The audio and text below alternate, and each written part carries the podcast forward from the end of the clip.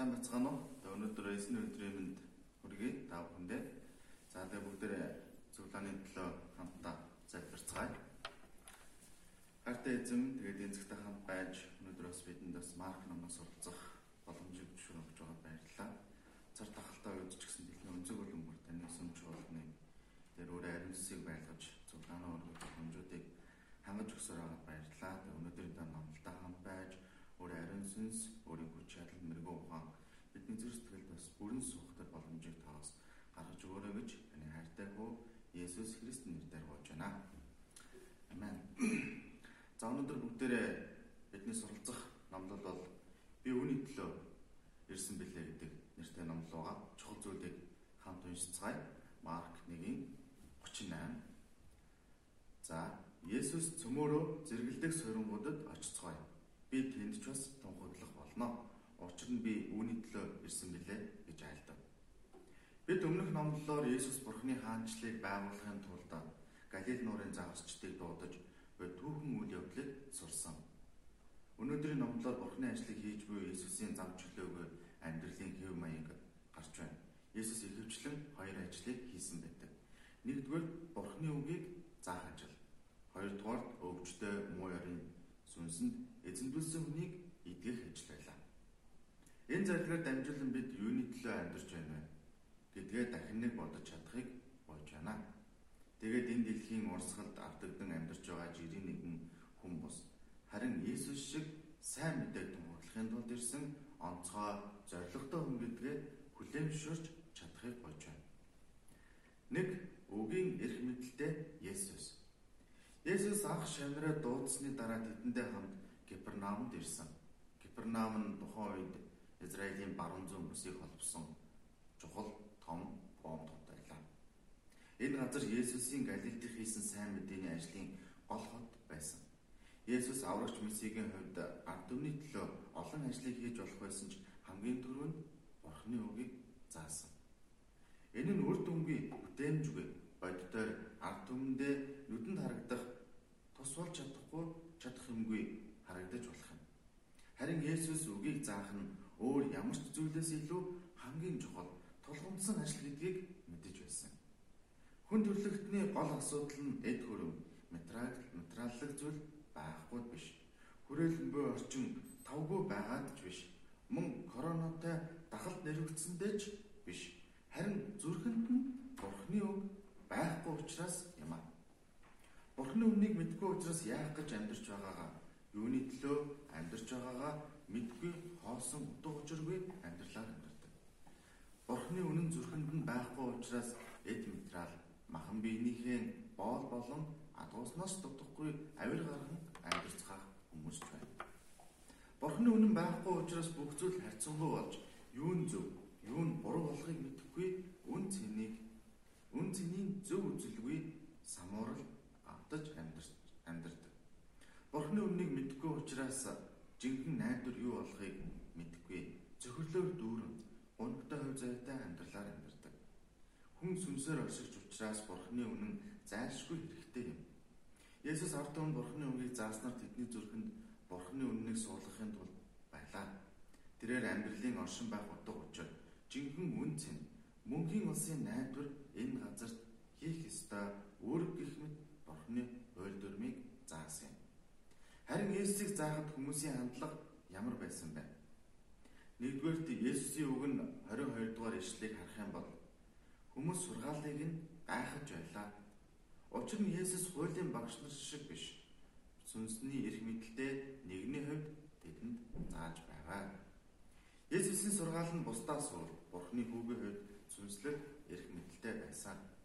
Синагогуудад хуулийн 10 хурушгээ мэддэг гаргууд багш доктор, маструуд дүр байсан л амтай.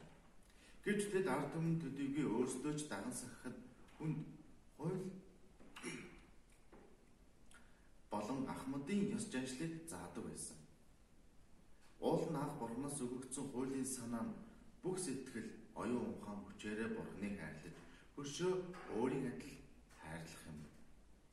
Гэвч тэд хуулийн зорилгыг үл тоож, хуулийн дүрм заавар даган мөрдөхөд л гол анхаарлаа хандуулж дэг жаягаар хүмүүсийг хүлсэн. ямар сандал амралтын өдрийг сахихын тулд 1261 дөрвөн хуулиудыг сахихыг шаардаж байсан. Энэ ч утгаараа тэдний заавар номлол нь ойлгоход, дагахад төвөгтэй байсан. Тэд хуучин тулан мэт ямар ч амин хүчгүй хэлбэр төдий зүйл баригдаж хэтэрхий ёсжилсан хуульчилснаар маш муу хор хөнөөл үзүүлэх болсон. Харин Есүсийн номлол ямар байсан бэ?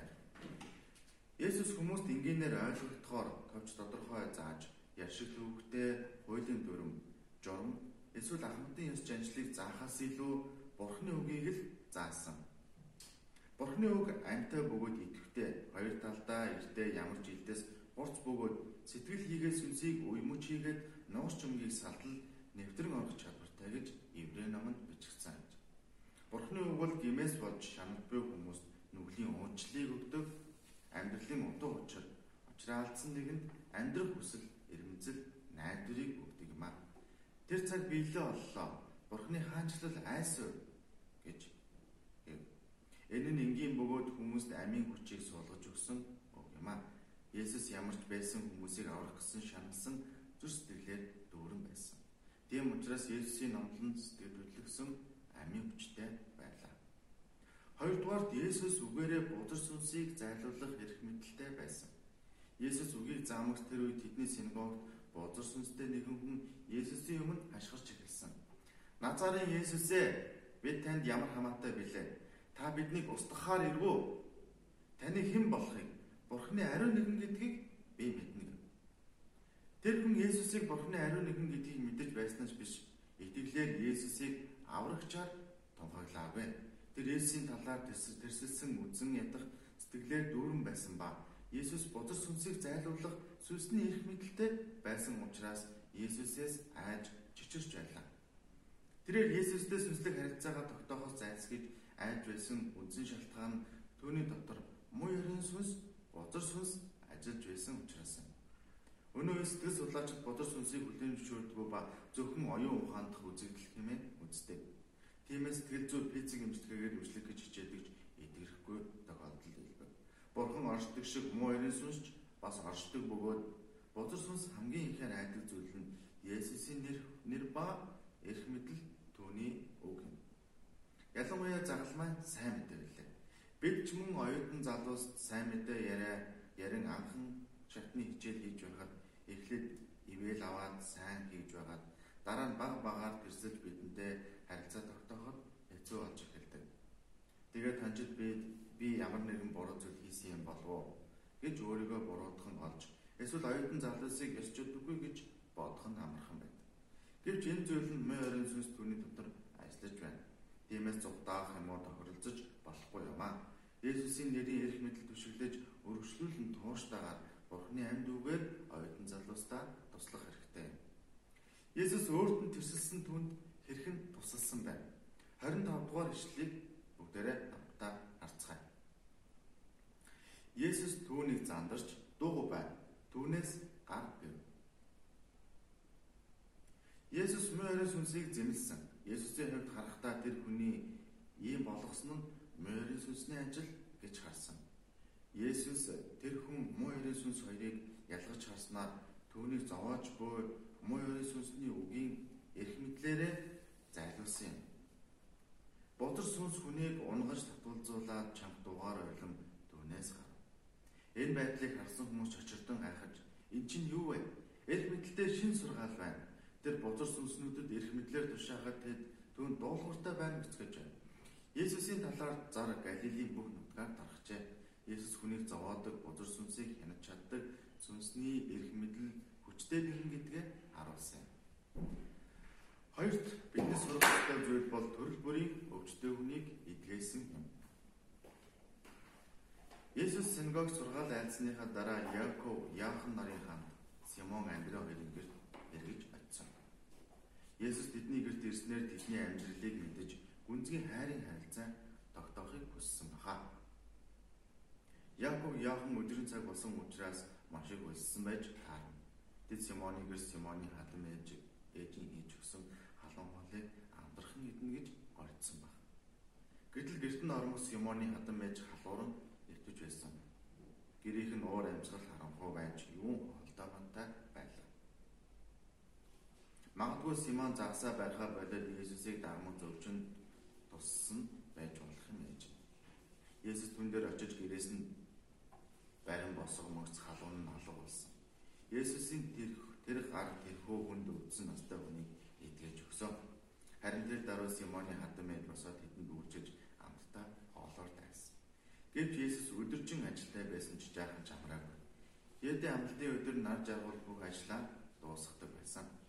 Жаахан харин тэр орой нар жаргах үеэр тэд өвчтөе ба жөтгөршүүлсэн олон хүнийг түүнд авч ирсэн. Хотынхан бүгдээрээ үүдэлд нь цуглах хэмжээнд маш их хүмүүс ирсэн. Ирсэн хүмүүс маш олон төрлийн өвчтөе хүмүүс байлаа. Энэ дэлхийн бүх хүн янз бүрийн өвчин тусдаг. Түүхийг харуул олон улс маш ядуу байдаасаа хоолж идэж чадахгүй төрөл бүрийн өвчин туссан байна. Харин одоо цаг үед идэх юмаа хэтрүүлж идснээс болж өвчин тусдаг болжээ. Идэж уух юмар дутах юмгүй болоод ирэхээр зугаа цэнгэлийг хөөж бидний замын хатвар өвчнөр шаналж байгаа хүмүүс ч их байна.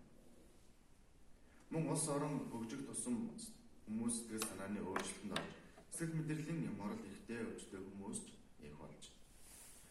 Өнөө үед тулгымцсан асуудал болсон вирусны цар тахал дэлхийд төр чигээр нь сандрагж байна. Мөн жахал хэцүү зүйл тохиолдвол сав өвчин шиг хөвтөд өгдөг. Хүнээс харийг олж сэтгэлээ дүрх гэсэн самар өвгтэй өвчин. Өөрийнхөө амийг л бодсон хуваа хичээдэг татвар бараагч шиг өвчин. Бүх зүйлийг өөрийнхөө байлгахыг хүсдэг өвчин. Ялагдлын сэтгэл, муу хувь зайд итгэх өвчин гэх мэт Улирлаа дагаад гарч ирэх янз бүрийн өвчин гээд тоочод барамгүй. Үүний адил сүнсний өвчин ч их байдаг байна. Бурхны оршихыг үүсгэх, үл итгэлийн өвчин, Бурхны хайранд эргэлзэх өвчин, Бурхантай адил болох гэсэн бардам өвчин байна. Махан биеийн өвчин сэтгэл мэдрэлийн өвчин бол илэрдэг, өвдөг өвчин. Харин сүнсний өвчин бол өвдөлтийг мэдрэхгүй, нүдэнд харагдахгүй учраас өвдөлт мэдрэхгүй, үл тоо орхигддог байна. Гэтэл мөн чанартай бидний сүнсийг өгөл дүргэх хамгийн аюултай өвчин бол гэм сүнсний өвчин. Сүнсний өвчин бол гэмээс үүдэлтэй сүнсээр өвчин туссан хүн бурхны оршихугаас холддог. Өвчин бол бидэнд ямар нөлөө үзүүлдэг вэ? Хүн өвчин тусвал маш их зов шаналдаг. Өөрөө ганцхан зовох биш бусад хүмүүст ч хүртэл нөлөө үзүүлдэг. Мөн хүнд өвчин тусвал амьдралын найдвараа алдаж, харахад муу хөө тавиландаа гарагдаж амьдрах болдог. Мөн хүнд өвчин тусвал хязгаартай хаалттай амьддаг эцэст нь хиндж хэрэггүй нэгэн болдог. Өвчин бол баяр хөөргийг булааж авдаг, ач жаргалыг авч өгдөг бөгөөд өвчнөөсөө болж тайцтай амьдралаар. Харин ийм өвчтэй хүмүүс бид яаж эдгэрлийг авах вэ? Махан биеийн өвчин бол эмнэлэгт очивол эдгэрэх боломжтой. Харин сэтгэл сүнсний өвчин бол эдгэрэх боломжгүй юм аа. Махан биеийн өвчин гэсэн эмнэлэгт эмчлэгдэх боломжгүй тохиолдол олон байдаг. Гэхдээ харин Есүс ямар ч төрлийн өвчтөе хүн байсан ялгалгүй гараа тавин итгэж өгсөн. Элбийн өвчтөе хүмүүсийг нар жаргах үеэр Есүс тавьчихсан тэр хүн бүр дээр гараа Луг 4-р бүлэгт хэлэхдээ Есүс бол эмч болж сүнс болон биеэр өвчтөе байгаа сүнснүүдийг эмчилдэг эдгээдэг нэг юм. Эдгээр дурдсан. Гэхдээ бидний ойлгох ёстой хамгийн чухал зүйл нь бид эдгэрлийг авахын тулд би өөрөө өвчтөд нэгэн гэдгээ ухаарж хүлээмжшөөр хэрэгтэй билээ. Энэ дэлхийд хамгийн эмчилгэд хэцүү өвчин бол би эрүүл өвчмгүй гэж. Би өвчтөд нэгэн гэдгээ хүлээмжшөөрч Есүсийн өмнө очих хэрэгтэй. Есүс биднийг өвчтөйгээ төвшөөхгүй. Есүс өвчлсөн биднийг байгаагаар нь хүлээн авч бидний гүнэн өрөвдөж сэтгэл нь нэмтэж биднийг зовлон ойлгож өрөвддөг. Матай намын бичигч Матай сүнсний хувьд маш гүнзгий өвчлсөн нэгэн байлаа. Тэрээр өөрийн бичсэн номдоо хэлэхдээ тэр бидний сул дорой байдлыг өвчин зовлон маань үүрсэн. Бид итгэлээр Есүс дээр очивол итгэлийг авч ад жаргалтай амьдрах. Миний амьдралч тэр боломжгүй байсан зүйлийг боломжтой болгож өвчлсөн гэр бүлийг маань сүнс болоод мах бодоор эдгэж өмчлсээр авлаа. Есүс өвчлсөн нэгнийг эдгээдээ гайхамшигтай агуу нэг юм. Тэр бидний сул дорой байдлыг авч өвчин зовлон маань үүрсэн тэр бидний аврагч байх зохистой нэг. Гуравт үгийг тунхагласаар ирсэн Есүс. Есүс өмнөх өдрийн өглөөнөөс хойш орой болтол амраагүй ажилласан. Үгийг зааж хүмүүсийн гэрт очиж төрөл бүрийн өвчтөе хүмүүсийг эдгэж өгсөн. Ийм их ажил хийвэл дараагийн өдөр нь ядрал гэрт босоход хэцүү. Үүр шөнөөр төр босоод гадагшгаар гарч зэлүүд газар очин тэндээ залбирчаа. Тус зүйлийг харуул Есүс махан биеийн хувьд ядарсан ч нойрноос илүү сүнсээ хооллохын тулд Бурхны өмнө очиж. Есүс үүрийн залбирлыг эхлүүлсэн. Есүс ядрахгүйгээр авралын ажлыг хийх боломжтой байсан үүрийн залбирлыг хийдэг байсанд нууцсан байна. Есүс үүрийн залбирлаар дамжуулан Бурхны дуу хоолойг сонсож шинэ итгэлийг авч Бурханаас ирсэн хүч чадал мэрэгэн ухаанаар Бурхны ажлыг хийсэн. Есүс залбирт дуусмас Симон болон хам байгсанд түүнийг хайж болоод бүгд таныг ирж байна. Шанаар нь Есүсийг хүмүүс хайхад тэдний тэл санаа. Есүс нэр алдарт хүргүүл шавнарн ч гэсэн энэ дэлхийд сайхан амьдрах боломж нэгдэх учраас маш том болон гэж бодсон баха. Гэтэл Есүсийн бодол тэдний бодлоос өөр байсан. 38 дугаар ишлэлийг харах юм бол Учир нь би үүний төлөө ирсэн билээ гэж айлдав. Эндээс бид хоёр зүйлийг сурч байна. Нэгдүгээр Есүсийн алсын хараа юм. Есүс зэрэгэлдэх сурингуудад очицгоё гэсэн. Зэрэгэлдэх сурингууд нь сайн мэдээг сонсож чадаагүй. Авралын үнэн үнэхээр хэрэгтэй байгаа газрууд юм. Өнөөдөр дэлхийн хөгжлийн 900-д хүрсэн Орос руу онцоор 10 цаг нисэдэл очих боломжтой ойрхон хот болж. Америк, Герман, Бразил, Индийг, Африк гээд дэлхийн улс бүгд ойрхон болсон. Ийм газар сайн мэдээг огт сонсоогүй хүмүүс маш их байгаа. Тэдэнд сайн мэдээ тараах гэвэл яах хэрэгтэй вэ? Харин явахгүй бол ямар ч түүх бий болохгүй. Яваад сайн мэдээ тараах үед авралын түүх эхлэх юм. Есүс Галилийн бүх нутгаар сайн мэдээ тарааснаар Галил сайн мэдээ дэлгэрүүлдэг төв хот болгохыг хүссэн. Өөр зогсохгүй энэ дэлхийн сайн мэдээ дэлгэрүүлэхийг хүссэн. Ийм учраас Есүс шавь нарыг өсгөж Есүс тэдэнд бүх ертөнцөөр явж сайн мэдээг хамаг бүтээл томхоглох тун. гэсэн агуу захирамжийг өгсөн билээ. Бурхны сайн мэдээ бол нүглийн уучлалын сайн мэдээ, амар тайвны сайн мэдээ. Есүс бүх хүмүүс Бурхны хаанчлалын сайн мэдээг сонсож аврал хүрэхийг хүсдэг. Хоёрдугаар сайн мэдээний ажил бүх хүчээ зориулсан юм. Энэ дэлхийд бол хүн нэр алдартай байхыг хүсдэг. Харин Есүс нэр алдараас илүү нэр алдар байхгүй. Сайн мэдээний ажилснаар амьдарсан юм. Сайн мэдээний ажил бол нэр хүнд алдар байхгүй. Хэний ч үнэлэгдэж хүлэмжшөрөгдөг ажилч биш. Зөвхөн нэр алдар байхгүйгээр дуусах биш. Чөмжлөж, бусдад буруу ойлгогдож авчигддаг ажил. Сайн мэдээний ажилснаар амьдрах үед маш олон бодит асуудлууд өвдөлт гарч ирдэг. Гэсэн ч Есүс энэ замаар эхнээсээ дуустал явсан. Яагаад гэвэл Есүс энэ замыг Бурханаас ирсэн үүр өгж байгаа сүнснүүдийг амьдруулах амин зам учраас сонгосон юм. Есүс сайн мэдээний ажлын үүргээ биелүүлснээр энэ дэлхийн хамгийн агуу нэгэн болсон юм. Тийм учраас тэрээр учир нь би үүний төлөө ирсэн билээ гэж. Дүгнэлт өнөөдрийн зарилгаас бид Есүс энэ дэлхий дээр ямар зорилготой ирсэн бэ гэдгийг суралцлаа. Тэгвэл бид өөрсдийн зорилго маань юу байна вэ хэмээн бодцгоё. Бид жирийн нэгэн оюутан жирийн нэгэн амьдралаар амьдраад дуусах биш. Харин бүх дэлхийд аяар сүнсээр өвдсөн бүхэл оюутан залуус сайн мэдээг тунхагладаг. Нандин зоригтой хүмүүс гэдгээ хүлээн шүрж ажиллацгаая. Тэгээд энэ зам нь бартаатай боловч эцэст нь амьд байгаа эдгэрэл байдаг гэдэгт итгэцгээе. Тэгээд нэг л газраас суугаад авах биш харин Есүс шиг зэрэгэлдэх суурин гол руу хамтдаа явцгаая. Улмаар зөвхөн сайн мэдээ дэлгэрүүлэх үүрэгтэй үнэн ч үлдснээр хамгийн нандин үр жимстэй амьдралаар амьдарч чадахыг хүсэн гомж байна. Надад бүгдээрээ хамтдаа залбирцгаая. Хайртай эзэм тэгээд энэ цагтаа